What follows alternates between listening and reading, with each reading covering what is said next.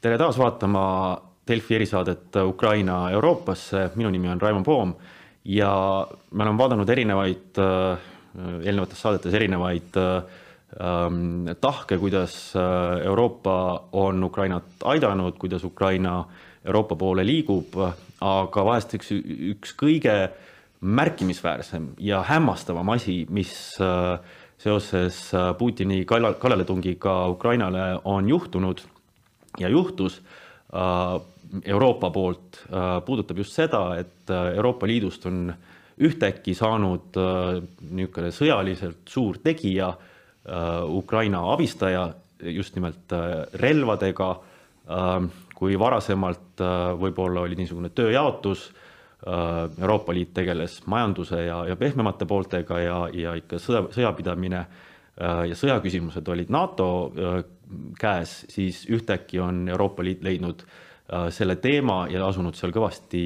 eest vedama, eriti just äh, Ukraina abistamise võtmes. ja mul on väga hea meel täna stuudios tervitada Kaitseministeeriumi kantslerit Kusti Salmi, tervist! tere päevast!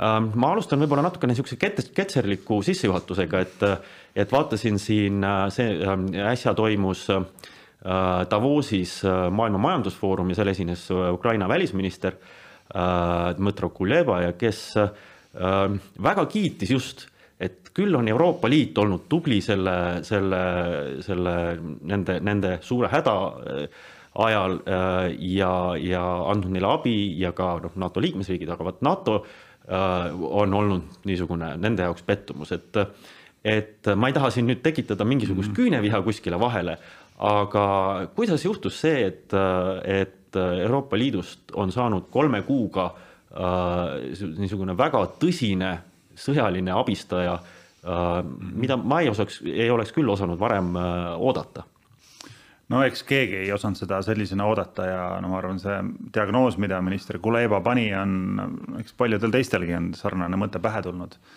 Ähm, et no mis siin nagu oluline on see, et NATO on ei olegi mõeldud Ukraina abistamiseks, ei ole teiste riikide abistamiseks mõeldud.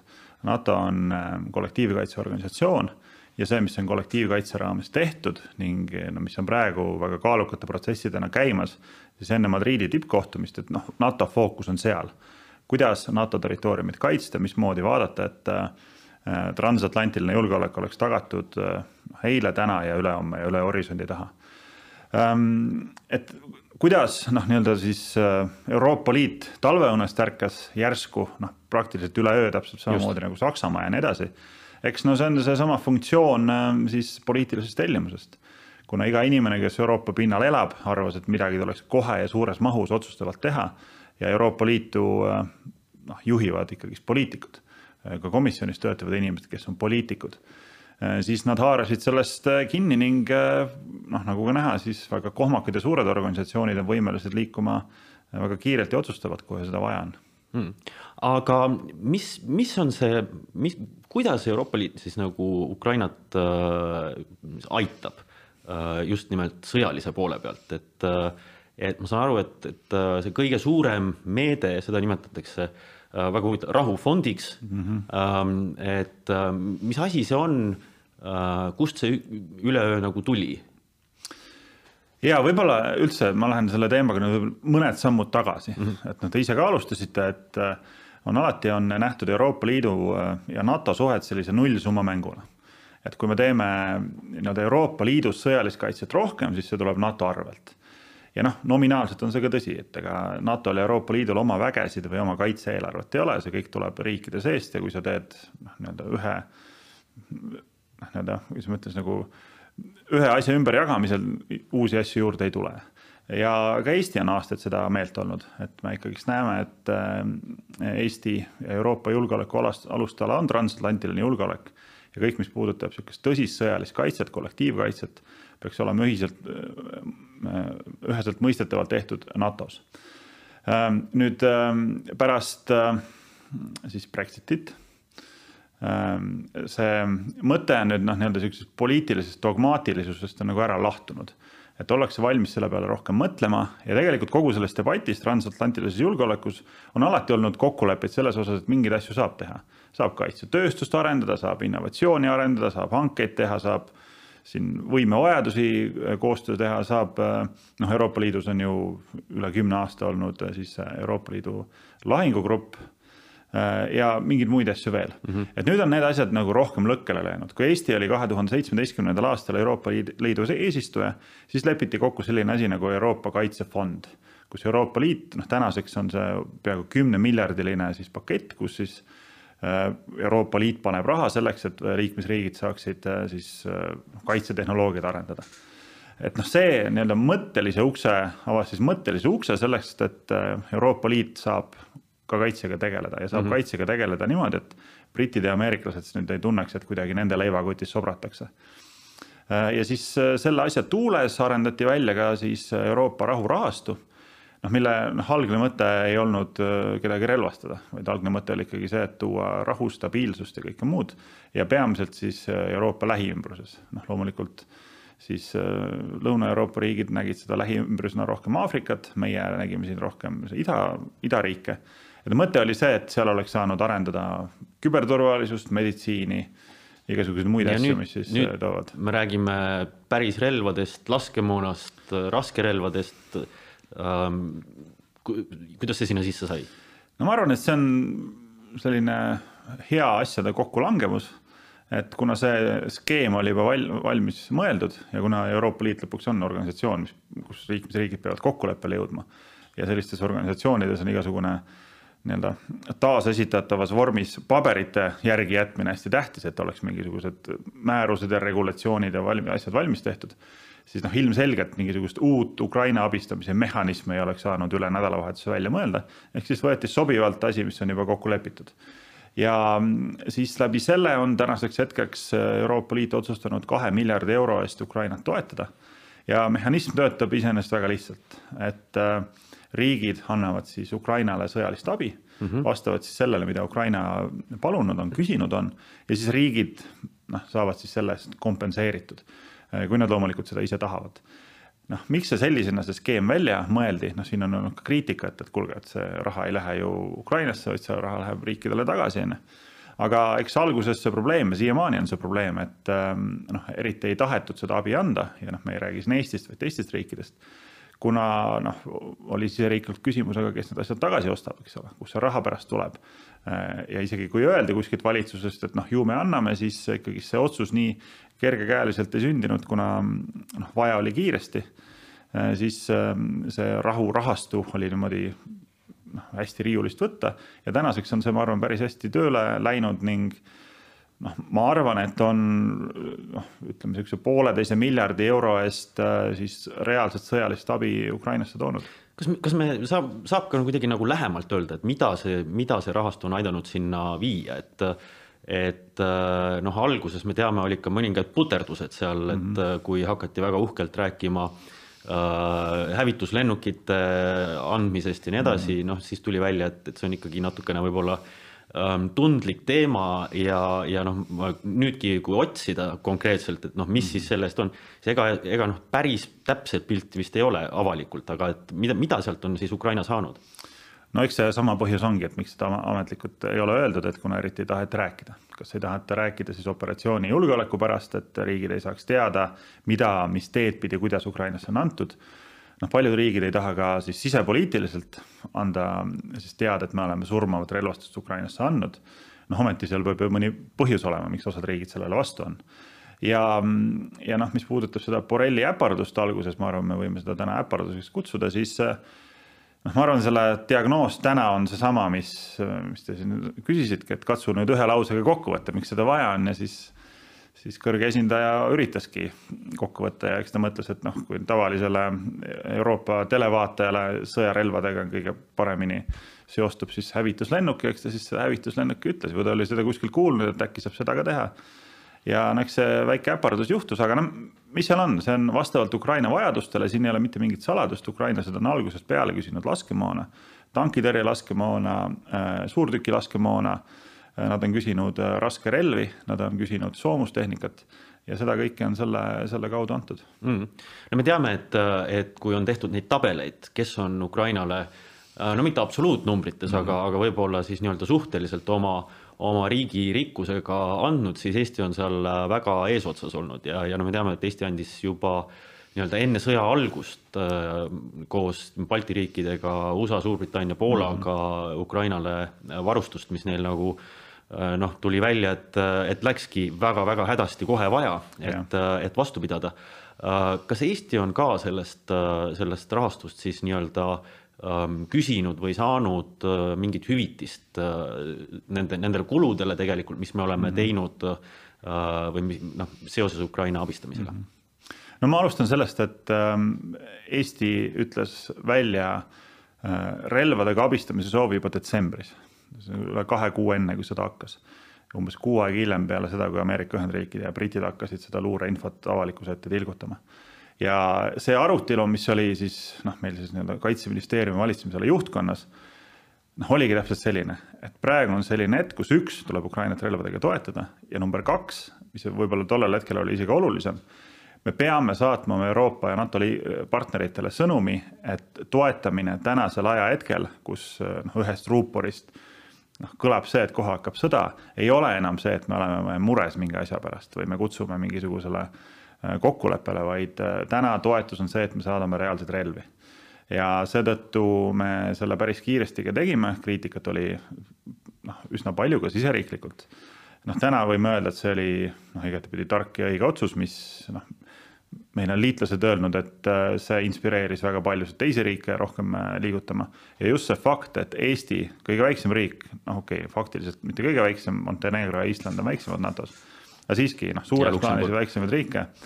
Luksemburgi, ma arvan, selle skp osas on seal juba ah,, okay. me ikka võistleme seal juba ähm, et äh, me anname suurusjärgu võrra rohkem kui, kui teised ja see sõnum jõudis hästi kohale, see sõnum jõudis eriti hästi kohale, kui Ameerika Ühendriikide äh, juhtimisel tehti siin umbes kuu aega tagasi see kuulus Rammsteini kohtumine, kus kutsuti kõik äh, kaitseministrid kohale ja see dünaamika töötaski seal täpselt niimoodi, et äh, kaitseminister Austin küsiski iga kaitseministri käest, mis te teete. ja see oli seal suhteliselt osavalt ja andekalt äh, korraldatud, see lauaring, et et see jääks eriti hästi kõlama, et on mingid riigid, kes on väiksed, kes on andnud palju ja mingid riigid, kes on suured ja on andnud vähe et tekitada seda siis noh, inglise keeles öeldakse selle kohta peer pressure, et sihuke noh, sihuke grupisurve ja tänaseks on see väga hästi mõjunud, et kui umbes kuu aega tagasi, kui see esimene kohtumine oli, siis nendes nominaalterminites, noh, ehk siis miljonites, mis me oleme andnud. tänaseks on see juba jõudnud kahesaja kuuekümne ühe miljonini, me olime endiselt seal ütleme top viies.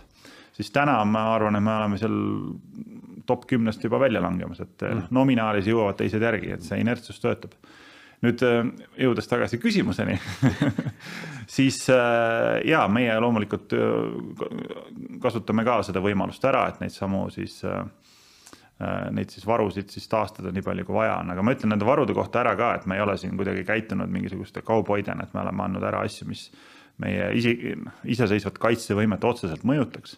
me oleme ära andnud siis relvastust ladudest, mis ei ole otseselt üksustega seotud, vaid on äh, noh, nii-öelda see D-ešelon, mis on siis noh, üksustele jaotamata sõjaaja varud. Ähm, ehk ähm, me oleme saanud seda lubada, me oleme seda teinud äh, relvasüsteemide osas, mis ei ole meil põhirelvastuses, noh välja arvatud Javelinid ähm, et noh, ei ole ka midagi, Eesti kaitsevõime ei ole sellest dramaatiliselt kannatada saanud. aga kui minna natukene üldisemaks nii-öelda, siis, siis üks on see Ukraina abistamise suund teine noh, on no näha olnud, et, et koos selle sõjaga on Euroopa Liidus tekkinud äh, nagu selge fookus sellele, et mida siis Euroopa Liit, me jõuame alguse juurde tagasi mm, -hmm. saaks äh, teha, et äh, või kus on selle roll, et, äh, et noh, liidu liikmed, kellest ka paljud on NATO liikmed ja varsti veel enam äh, liidu liikmeid on NATO liikmed, kui mm -hmm. Soome ja Rootsi ühinevad, et kus nagu äh, saaks teha rohkem, panustada rohkem, et tegelikult äh, see nii-öelda kaitse, kaitsevõimed ähm, oleksid suuremad, et, äh, et noh, siin on olnud ju juba mitu, vähemalt üks tippkohtumine sama Versailles kohe peale sõja algust, kus seda äh, käsitleti, et, et ähm, mis nüüd edasi, et kas, kas siit tuleb mingisugune selge roll, kus Euroopa Liidu mm -hmm. riigid saavad aru, et Euroopa Liidul on mingi, midagi võimalik teha? jah ma ühe asja täpsustan veel, et kus see nii-öelda see mobilis-, mobiliseeriv jõud on tulnud Euroopa Liidus, et kui me nüüd mäletame detsembrikuus, kui Vene Föderatsioon saatis siis Ameerika Ühendriikidele, NATO-le oma neid kuulsaid kirju, neid nõudmisi, mis nad tahavad, et kõik siin eh, teeksid ja kuidas NATO laiali tuleb kohe saata ja kõik muud asjad. Siis optika selle asja juures oli see, et mitte keegi ei soovinud rääkida Euroopa Liiduga aga nüüd, kui eh, me vaatame siis Euroopa Liidu siis, siis nagu noh, nii-öelda juhtivaid inimesi seal, siis eh, noh, nende arusaam ikkagist Euroopa Liidu jõualast on see, et majanduslikult noh, absoluutne raskekaallane. Eh, keskkonnaküsimustes absoluutne raskekaallane, õigus, inimõiguste, muudes küsimustes absoluutne globaalne raskekaallane. aga nüüd, mis puudutab sihukest julgeolekut, siis noh, ei kutsuta isegi tuppa, eks ole.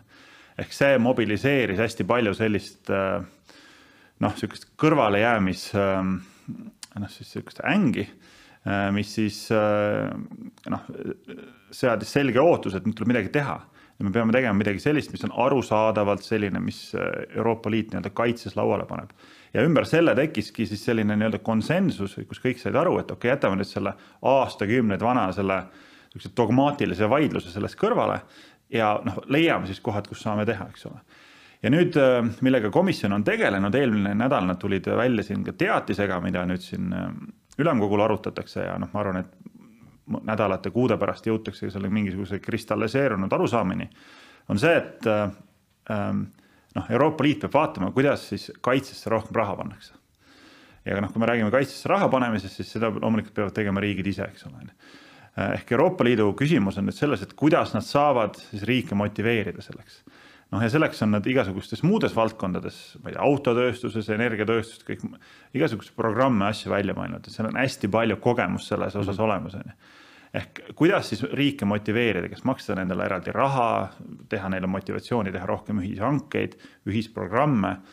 Äh, noh, lõppkokkuvõttes on see loomulikult see, et Euroopa Liit paneb mingisuguse raha lauale, mille peale ta ütleb, et näete, see on võimalus, mis te siit kõik saate saada. aga nüüd selleks, et seda kätte saada, te peate ära tegema üks, kaks, kolm asja on ju et äh, mis ähm, nendes mõtetes on mainitud näiteks äh, ja noh, Eesti on ka nende mõtete kujundamisel aktiivselt kaasa rääkinud, on seesama laskemoona küsimus.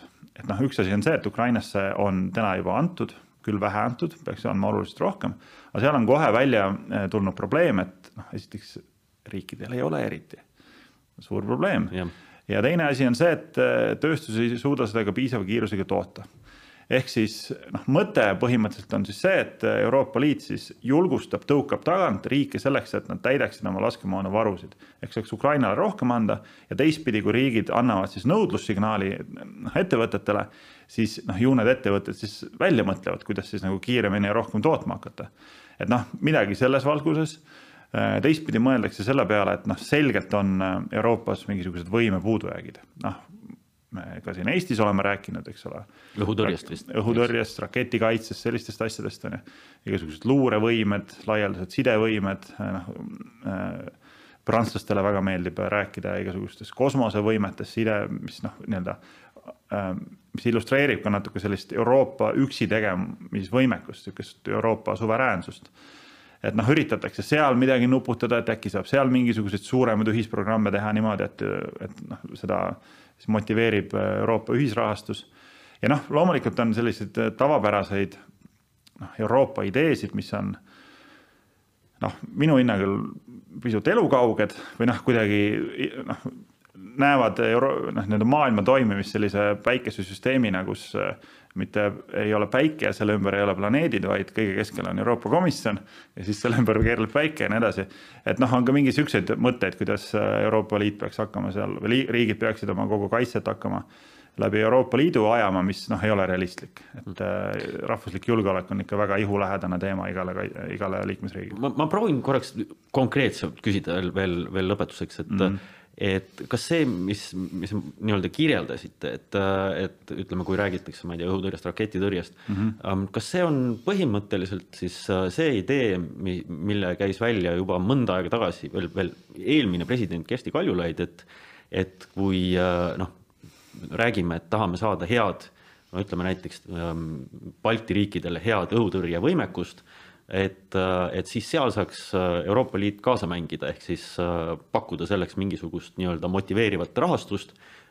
et siis riigid teeksid ühiselt niisuguse võimekuse, mida niikuinii oleks vaja teha selleks, et see nagu oleks kõige parem noh, niisuguse regiooni peale arvatavasti ühiselt ja no nüüd saame vahetada pooled, et enne küsisid lühidalt, ma vastasin pikalt, siis nüüd küsisid pikalt, ma vastan lühidalt, et jah, see on põhimõtteliselt see, see, see mõte, jah okei okay,, äh, suur tänu, äh, Kusti Salm meile äh, seda seletamast. ootavad ees põnevad ajad, kui Euroopa Liit hakkab tegelema täiesti, täiesti valdkonnaga, mis, mis noh, seni oligi. dogmad kukuvad mm, -hmm. uued asjad tulevad seda saab kindlasti olema põlev, põnev jälgida ja Delfi erisaade Ukraina Euroopasse taas eetris natukese aja pärast. aitäh kuulamast, vaatamast. aitäh